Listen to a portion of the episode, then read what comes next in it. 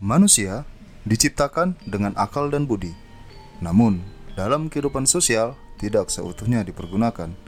Kami sekelompok cah lanang dari perantauan tanah seberang datang untuk bersosialisasi dengan semesta ciptaan Tuhan melalui nada suara dengan canda dan tawa tanpa lupa moral dan etika.